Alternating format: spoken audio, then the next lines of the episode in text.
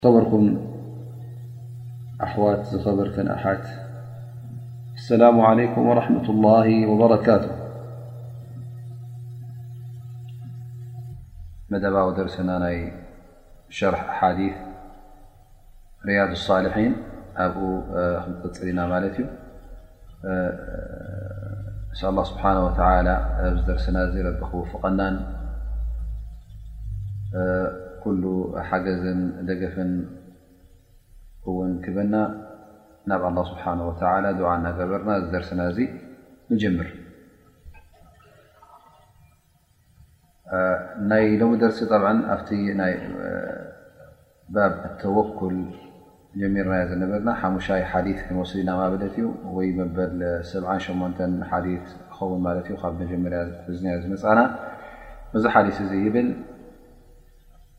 عن جابر رضي الله عنه أنه غزى مع رسول الله صلى الله عليه وسلم قبل نجد فلما قفل رسول الله صلى الله عليه وسلم قفل معهم فأدركتهم القائلة في واد كثير العضاة فنزل رسول الله - صلى الله عليه وسلم وتفرق الناس يستظلون بالشجر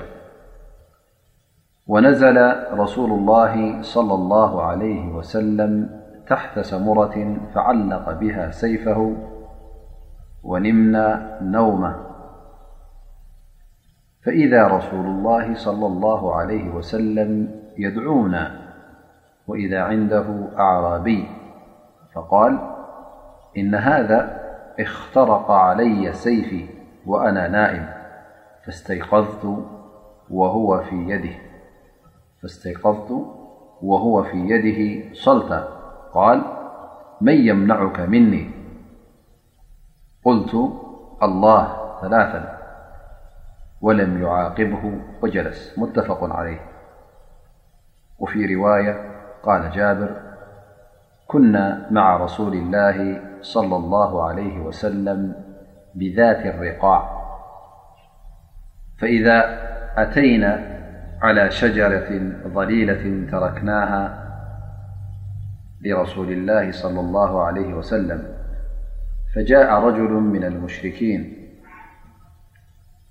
فجاء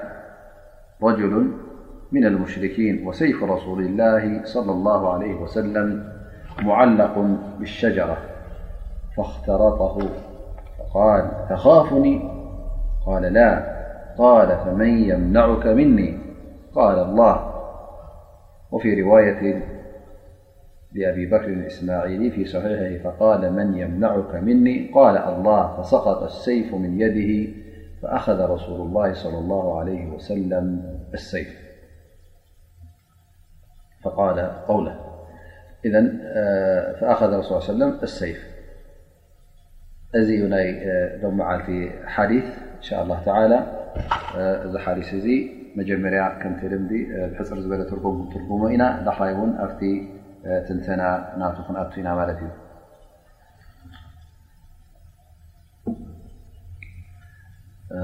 እዚ ሓዲስ እዚ ጠብዓ ብቀዳምነቱ እቲ ተወኩል ናይ ነቢና ሓመድ ለ ላ ለ ወሰለም እቲ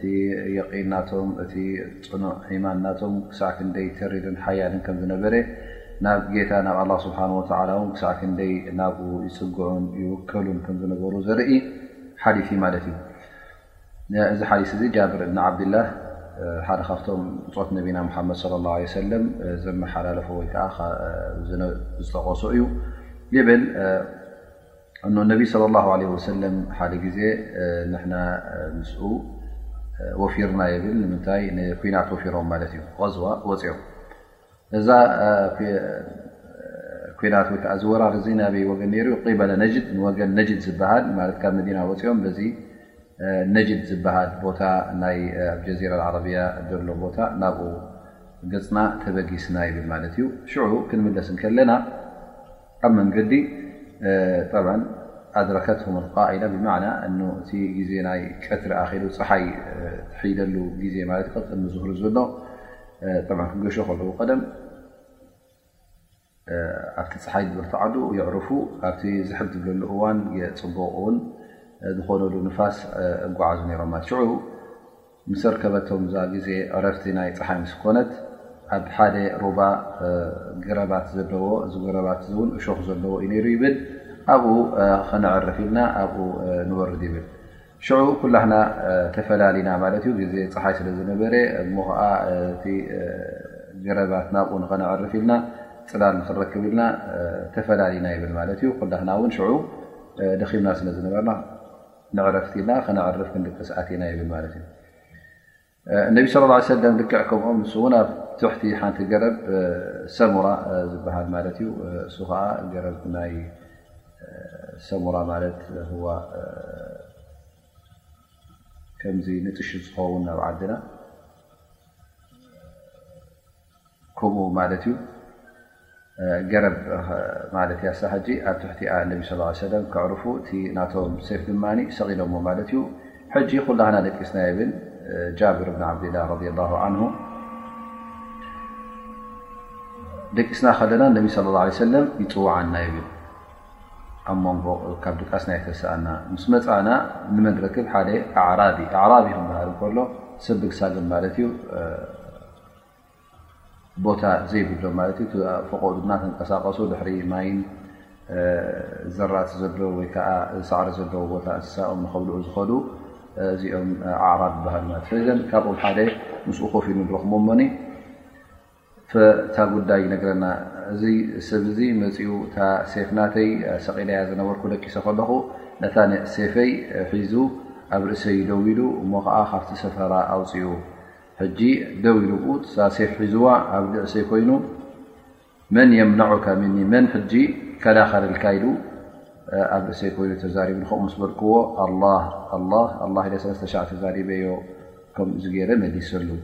ወነቢ ስ ሰለም ሕጂ እውን ኣብቲ ግዜ እቲ ምስቲ ኣዕራቢ ኮፍ ኢሎም ክርእዎ ከለዉ ኣሲሮሞ ይነበሩ ወላ ሓንቲ እውን ኣይገበርሉን ኣብ ካልእ ርዋያ ውን ዝመፀ ጃብር ብ ዓብድላ ብር እዛ ኣብ ዛት ሪቃዕ ትበሃል غዝዋ ወይ ከዓ ወራር ዝገበርናያ ኣብ ትሕቲ ገረባት ንኸነዕርፍ ኢልና ፅላል ንክረክብ ኢልና ኮፍ ምስ በልና ወይ ከዓ ምስተፈላለና እነቢ ስ ሰለ ኣብ ሓንቲ ገረብ ይዕርፍ ነይሩ ትሕቲ ገረብ ኮይኑ ደቂሱ ነይሩ ኣብዚ ሰዓት እዚ ሓደ ካብቶም ፀላእቲ ካብቶም ሙሽርኪን መፅኡ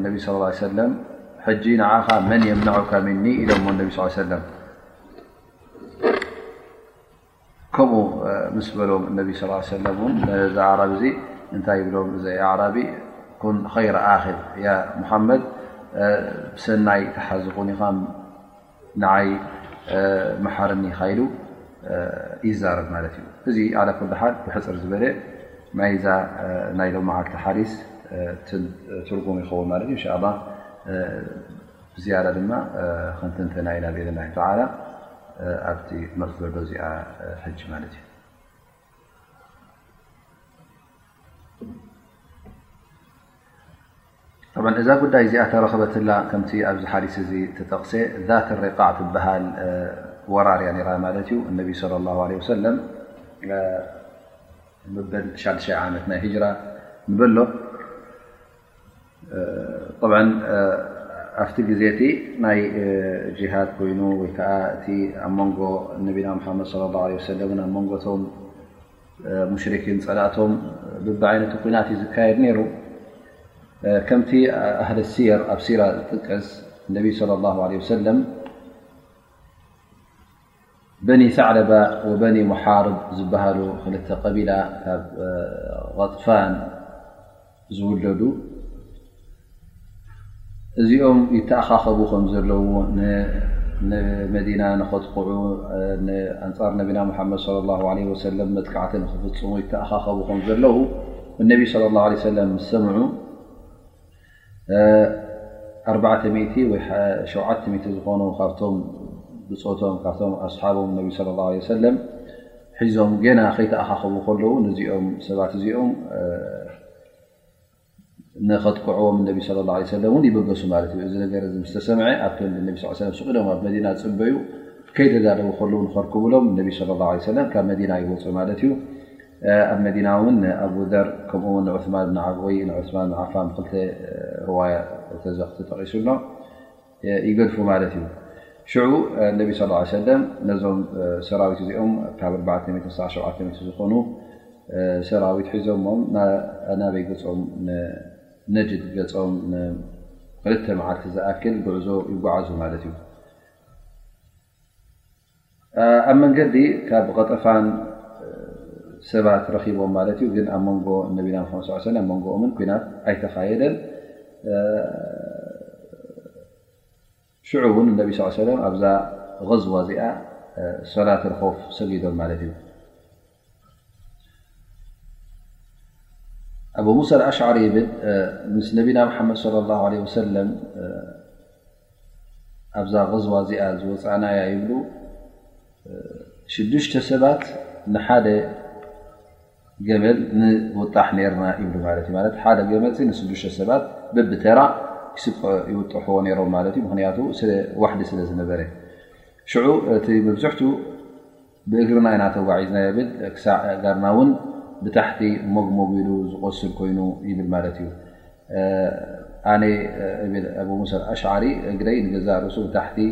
ቶግቶግ ኢሉ ኣጻፍረይ እውን ገሊኡ ከይዱ ይብል ማለት እዩ። ሽዑ እንታይ ክንገብር ጀሚርና ብጣዕሚ እቲ ጉዕዞ ነዊሕ ስለ ዝነበረ እግርና ስለ ዘሕመመና ብ ጨርቂ ኮይኑ ብገለ ኮይኑ ክንኣሳስሮ ጀሚርና ማለት እዩ። እዛ غዝዋ እዚኣ ሽዑ እንታይ ተሰምያ ዛት ሪቃዕ ተሰምያ ይብል ማለት እዩ። ምክንያቱ ኣእጋርና ስለ እንጠማጥም ዝነበርና ዛት ሪቃዕ ተሰምያ ይብል ማለት እዩ።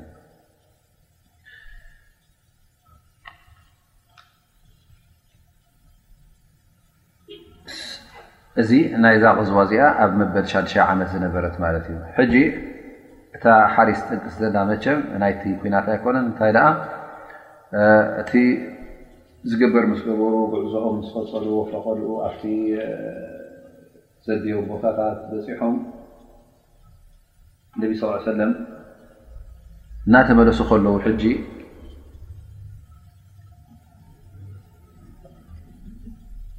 ጉዕዞ ነዊሕ ስለ ዝነበረ ይናዕረፉ እዮም ዝኸዱ ነሮም ሽዑ እናተመለስና ከና ጃብር ዝበሎ ምስ ነቢ ስ ሰለም እቶም ኩሎም ሙጃሂዲን እቶም ተቓለስቲ እቶም ደኺሞም ዝነበሩ ኩሎም እናተመለሱ ከለዉ ኣብ መንገዲ ክከዕርፉ ኢሎም ሓንቲ መዓልቲ ኣብ ግዜ ቀትሪ ማለት እዩ ዝህሪ ፍርቂ መዓልቲ ዝቀራረበሉ እዋን ከነዕርፍ ኢልና ኣብ ሓደ ሩባ ነዕርፍ ማለት እዩ ቃኢላ ዝበልና ሕጂ እታ ቃኢላ ወቅተ ቀይሉላ ማለት እዩ ወልቀይሉላ እሱ ኣብ ቀትሪ ትድቅሶ ቀይሉላ ብሃል ንቋንቋ ዓረብ ኣብዚ ሩባ እዚ ኣብኡ ክነዕርፍ ወሲና ይብሉ እዚ ሩባ እዚ ድማ ብዙሕ ኣግራብ ናይ እሾክ ዘለዎ ግራብ መሊኡ ነይሩ ይብል ማለት እዩ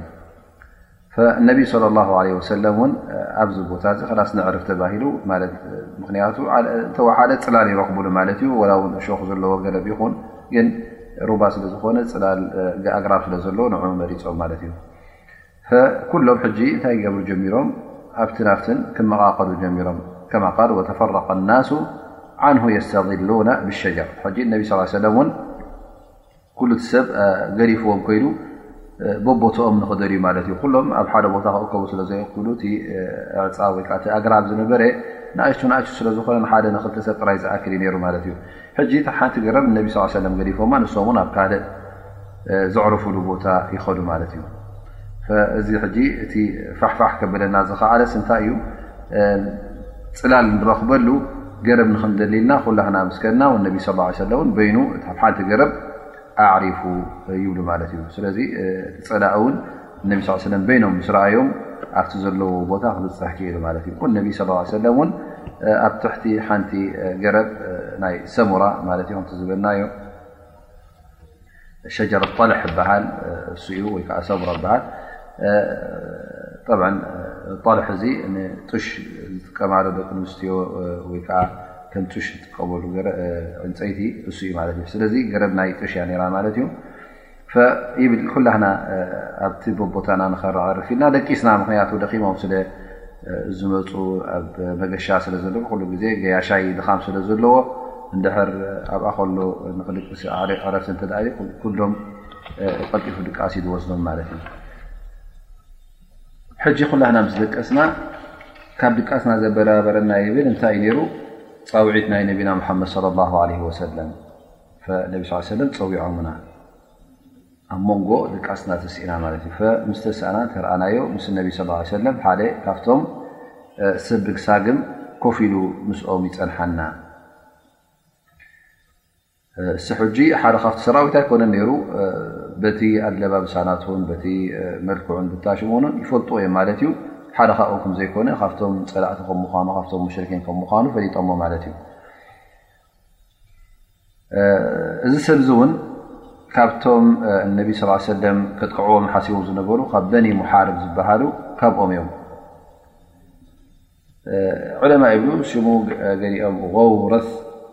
እዩ ይብሉ ገሊኦም ድማ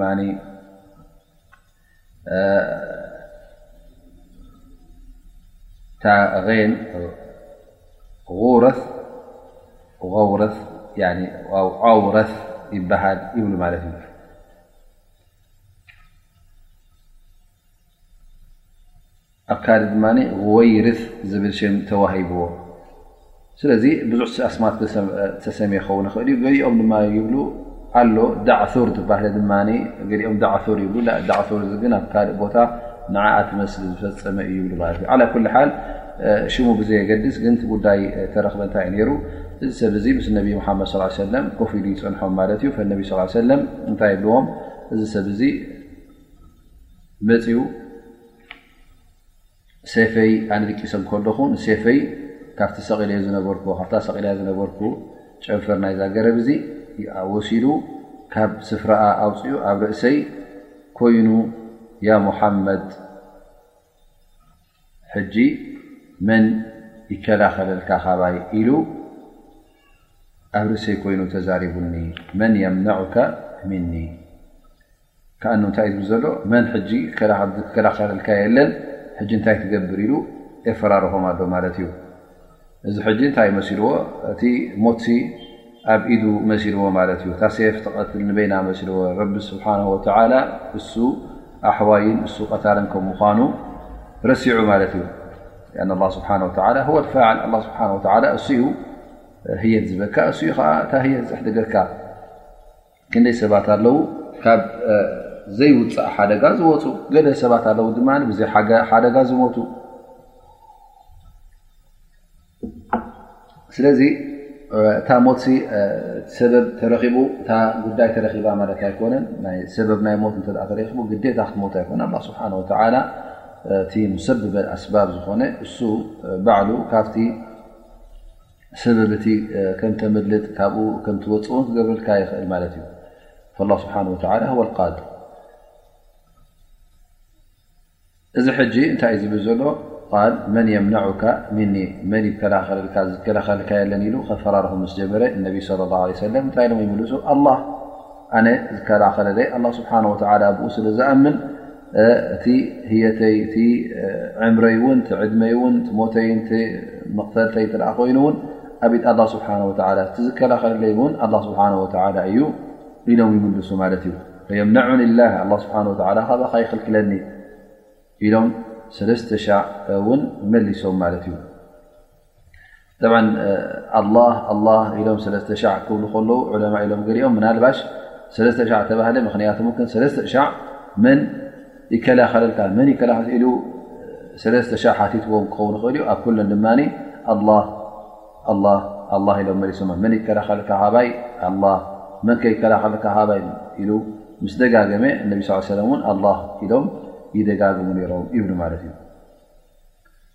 ነቢ صለ ላ ለ ወሰለም እቲ ልቦም እቲ ዓሉቕ ናቶም እቲ ኩሉ ፍርሃቶምን እቲ ኩሉ ኢማኖምን ምስ ኣላ ስብሓን ወላ ስለ ዝኾነ ፍፁም እዚ ነገራት እዚ ኣየፍርሃውምን እዮም ኣላ ስብሓን ወላ እውን ከም ዝሕልዎም ይፈልጡ እዮም ነሮም ማለት እዩ ኩሉ ዘጓንፎም እውን ኣብ ኢድ ኣላ ስብሓን ወላ ብተቅዲር ናይ ረቢ ስለ ዝኾነ ይኣምኑ ስለ ዝነበሩ ፈፂሞም ዝኾነ ሽግር ክርከብ ከሎ ናይ ፍርሃትን ናይ ቦጅቦጅን ናይ ዘይምትእማንን ኣይርእዩን እዮም ነይሮም ማለት እዩ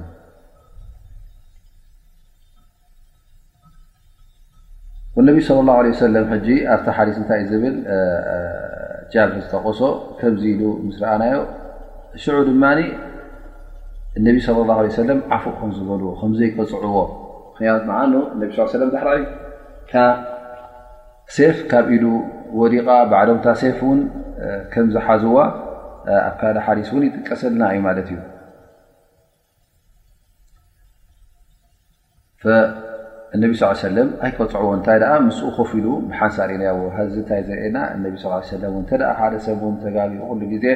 ኩሉ ግዜ ዓፉ እዮም ዝብሉ ነሮም ይምሕሩ ከም ዝነበሩ ምክንያቱ ሕማቕ ሕማቕ ዝገበሮም እነቢ ስ ሰለ ሕማቕ ይፈድዎ ይነበሩ እንታይ ሕማቕ ዝፈፀመ እነቢ ስ ሰለ ብሰናይ ይፈድዎ ነሮም ሽዑ እውን እቲ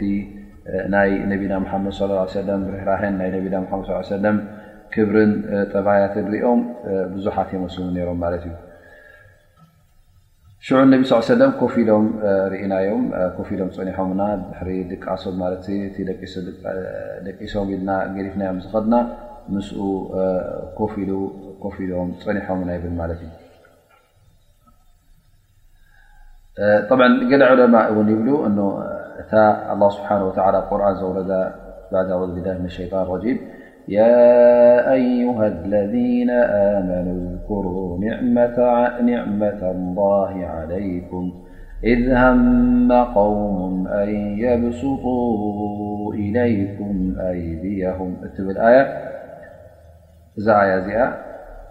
ብኣ ዝወረደት እያ ብሰንኪ እዛ መዓት እዚኣ ኣይ ኣን ላ ስብሓ ወላ ነዞም ሙእምኒን በዛ ኒዕማ እዚኣ በዛ ሽሻይ እዚኣ የዘክሮም ማለት ነቢ ለ ላ ለ ሰለም ንክቐትል ኢሉ ሓደ ተዳልዩ ከም ዝመፀ ላኪን ኣላ ስብሓ ወላ ከም ዝሓለዎም ዝጠቅስ ማለት እዩ እዚ ሰብ እዚ ብ ከምቲ ዝበልናዮ ነቢ صለ ላه ለ ወሰለም ከፈራርኾም ምስ ተረክ ላ ኢሎም ምስ መለሱ ሽዑ እታ ሴፍ ካብ ኢዶም ትወድቕ ትብል ማለት እዩ ኣብ ካልእ ርዋያ መመላእታ ናይዛ ሓዲስ እዚኣ ነቢ ስ ሽዑ ካብ ኢድ ምስ ወፅኦታ ሴፍ ባዕሎም ቀብ ኣቢሎም ይሕዝዋ ማለት እዩ ይብሉ ሕጂ እስኻ ከመን ይከላኸለልካ መን የምናዑካ ምኒ መን ኣሎ ዝከላኸለልካ ሕ እስኻኸ እታ ሴፍ ካብ ኢድካ ወዲቃ ኣብ ኢደይ በፂሓ ሕጂ እንታይ ትብል ኢሎም እነቢ ለ ላ ለ ወሰለም ነዚ ፀላእ እዚ ነዚ ክቐትሎም ሓሲቡ ዝነበረ መፂኦም ሕጂ ታሴፋ ቢዶም ምስኮነት ሕጂ ስኻ ከመን ይከላኸል ከኣ ኣላ ይከላኸልለ ኢሉ ኣላ ተኸላኺልለ ስኻ ከመን ይከላኸልልካ ኢሎም ይዛረብዎ ማለት እዩ ሽዑ እንታይ ኢሉ ይምልስ ኩን ኸይረ ኣክር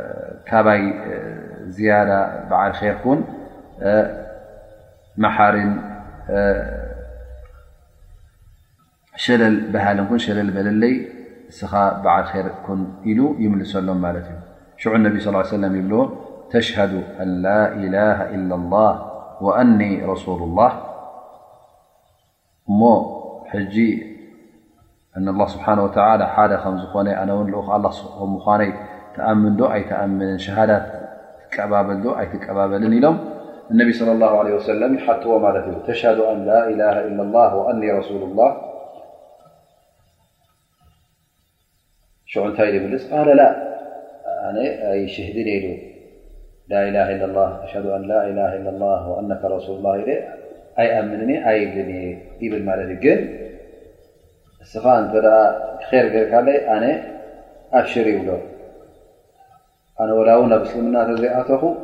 ብድሕር ሕጂ ፈጺመ ኣንጻርካ ደው ኣይብልን እየ ምስቶም ጸላእትኻ ምስቶም ንዓኻ ዝዋግኡ ምስቶም ተጻባእትኻ ኮይነ ፈጺመ ኣይዋግእን እየ ቃል ኡዓሂዱካ ኣኒ ላ ኡቃትሉካ ወላ ኣኩኑ ማዓ ቀውሚ ይቃትሉነ ሕጂ ቃል ኣትወልካ ኣለኹ እዚ ምህር መብጽዓ እዩ ፈፂመ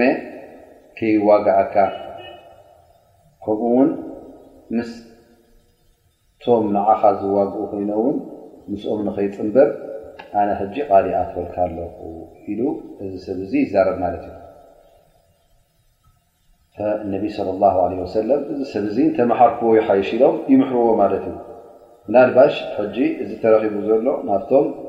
ህዝቡ የብፅሖሞኒ ኣነ ከምዝን ከምዝን በዲለ እሞ ከዓ እነቢ ስለ ላ ለ ሰለም ኣብ መጨረሻ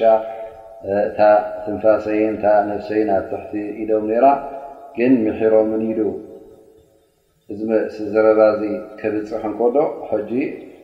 ጠቕሚ ስለ ዘለዎ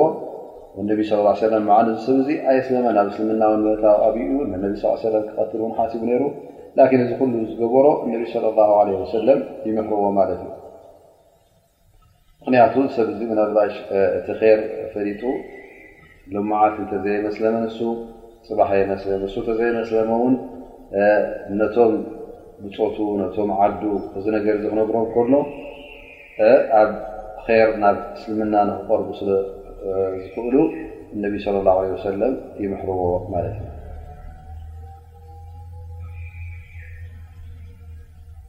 ከምቲ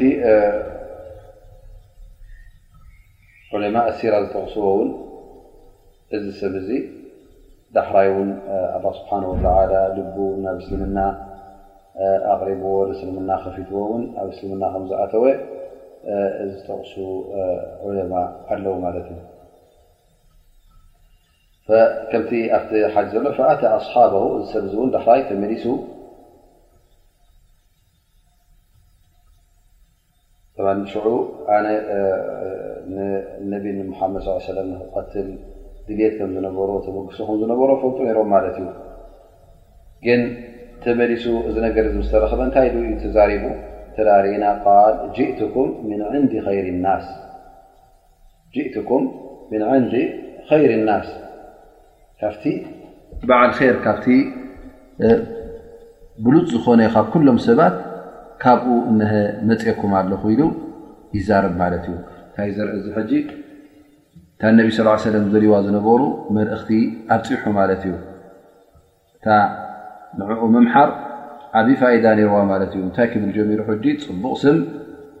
ንነቢና ሙሓመድ ስ ሰለም ከመሓላለፈሎም ጅእትኩም ምን ዕንዲ ከይሪ ናስ እሶም ፈርህዎ ክቐትለና መፅኡ ወይ ከዓ ክዘምተና እዩ መፅኡ ክወረና እዩ መፅኡ ኢሎም ንንሕዶም ዝፈራርሁ ዝነበሩ ሕጂ እዚ ሰብ እዚ ዝሓደ ካብኣቶም ካብቶም ቀቢላት እኦም ማለት እዩ ነቢ ስ ሰለ ምስ መሓርዎ መፅኡ እንታይ ብል ጅእቱኩም ምን ዕንዲ ኸይር ናስ ካብቶም በዓል ር ካብ ኩሉ ሰብ ካብቶም ኩሎም ዝፈለጥክዎም ሰባት ዝበለፀ ሰብ ዝኾነ በዓል ዓብ ጠባይ በዓል ዓብ ክብሪ ካብኡ መፅኦኩም ኣለኹ ኢሉ ይዛረብ ማለት እዩ ኣ ነቢ ስ ሰለ ን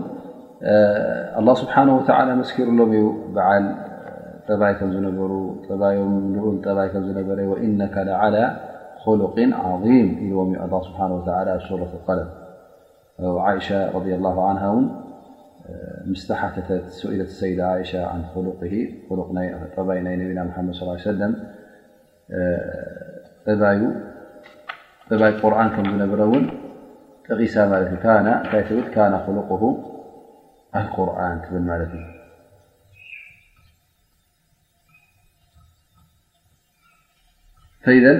በዓል ዓብ ጠባይ ስለ ዝነበሩ ነ ለ ሰለ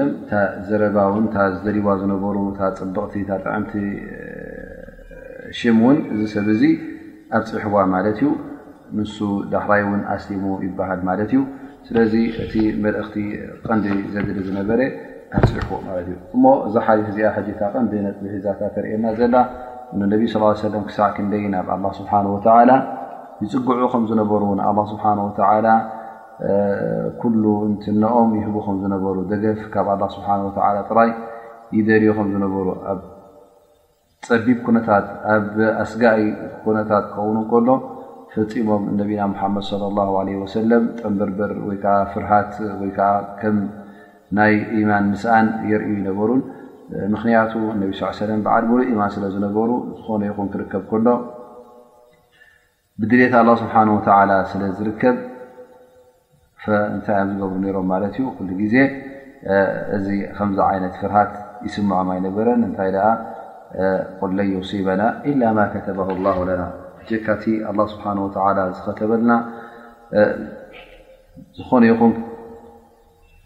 ሕማቕ ነገር ከጓንፈና ኣይክእልን እዩታ ረቢ ዝኸተባ ግን ስለ ዘይትተርፍ ፈፂሞም ይኣምኑ ስለ ዝነበሩ ተረኸበ ሕጂ ንዕኦም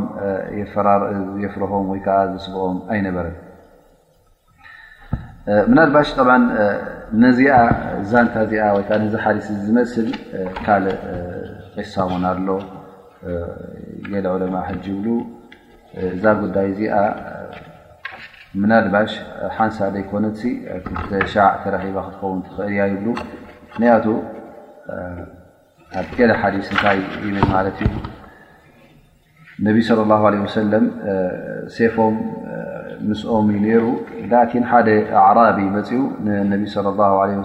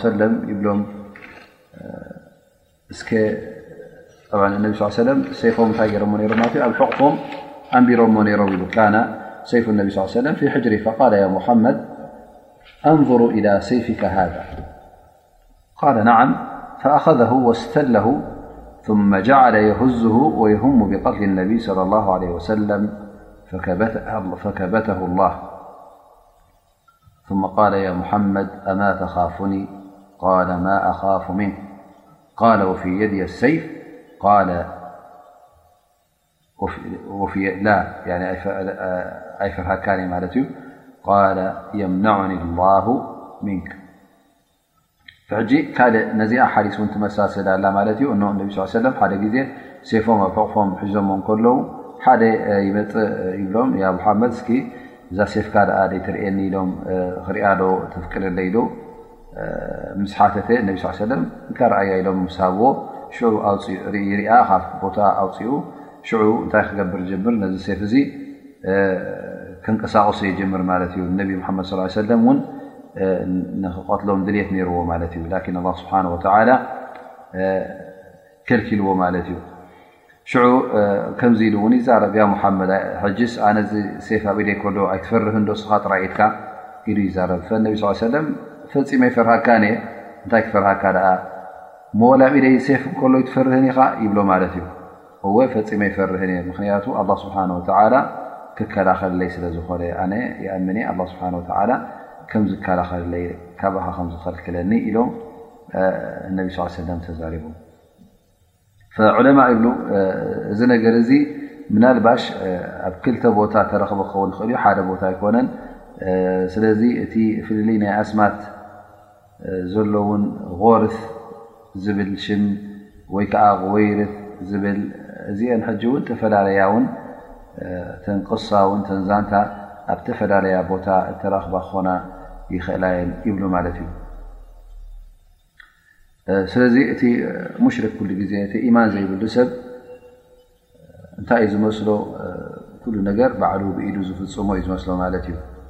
ፈፂሙ ብኣላ ስብሓ ወላ ስለ ዘይኣምን እቲ ህየትን ትሞትን ጥዕናን ዕረፍትን ሃብትን ድኽነትን ኩሉ ብፍልጠቱን ብክእለቱን ብቕልፅሙን ዘውፅኦ ይመስሎ ስለዚ ንኣ ስብሓ ወላ ይርስዕ ማለት እዩ ረሲዑ ከዓ እንታይ ይመስሎ ኩሉ ንሱ ክገብሮ ዝኽእል ላን በዓል ኢማን ክኸውን ከሎ እዚ ኩሉ ነገራት ናብ መን እዩ ዘፀግዖ ናብ ኣላ ስብሓ ወላ እወ እስኻ ከምቲ ኣላ ስብሓ ወላ ዝኣዘዘካ ሰበብ ትገብር ነብስኻ ትከላኸለላ ኢኻ ከማ ቃል ነቢ ስ ሰለም ዕቅልሃ ወተወከል ተወኩል ክበሃል እንከሎ ሱቕ ኢልካ ስድን ሱቕ ኢልካ ክትፍንዎ ማለት ኣይኮነን ምጥንቃቕ ረሲዕካ ክትንቀሳቐስ ማለት ኣይኮነን ትጥንቀቕ ኢኻ ሽዑ ግን ናብ ኣላ ስብሓን ወተላ ትውከል እቲ ዝርከብ ኩሉ ሕጂ ብኢድ ኣላ ስብሓን ወላ ብኣ ስብሓን ወላ ተኸትበ ስለ ዝኾነ ንስኻ ውን ትኽርከብ ከሎ ኢማንካ ብ ኣላ ስብሓን ወተላ ሓያል ስለ ዝኾነ እቲ ናይ ኣላ ስብሓን ወተላ ውን ከምዘይተርፍ ስለ ትኣምን እዚ ብዱንያ ዝርከብ ኩሉ ማለት ኣሻቂሉ ካብቲ ግቡእ ዝኾነ መሰረታዊ ዝኾነ ኢማንካ ክወፅኣካ የብሉን ናይ ምፅርፃር ይኹን ናይ ኢማን ምስኣን እውን ክረአ የብሉ ስለዚ ተወኩል ንገዛእ ርእሱ ቀንዲ መበገስታ ናቱ ካብ ምንታይ ይመፅእ ማለት እዩ? ካብቲ ፅንዓት ወይ ከዓ ፅኑዕነት ናይ ኢማንካ ካብኡ እዩ ዝብገስ ማለት እዩ። ፅኑዕ ኢማን ዘለዎ ሰብ እሱ እዩ በዓል የቂን ዝኸውን፣ በዓል እምነት፣ በዓል ተወኩል ናብ ኣላህ ስብሓነሁ ወተዓላ ዝፀጋዕ ይኸውን ማለት እዩ። نل معك درسنا ان شاء الله تعالىن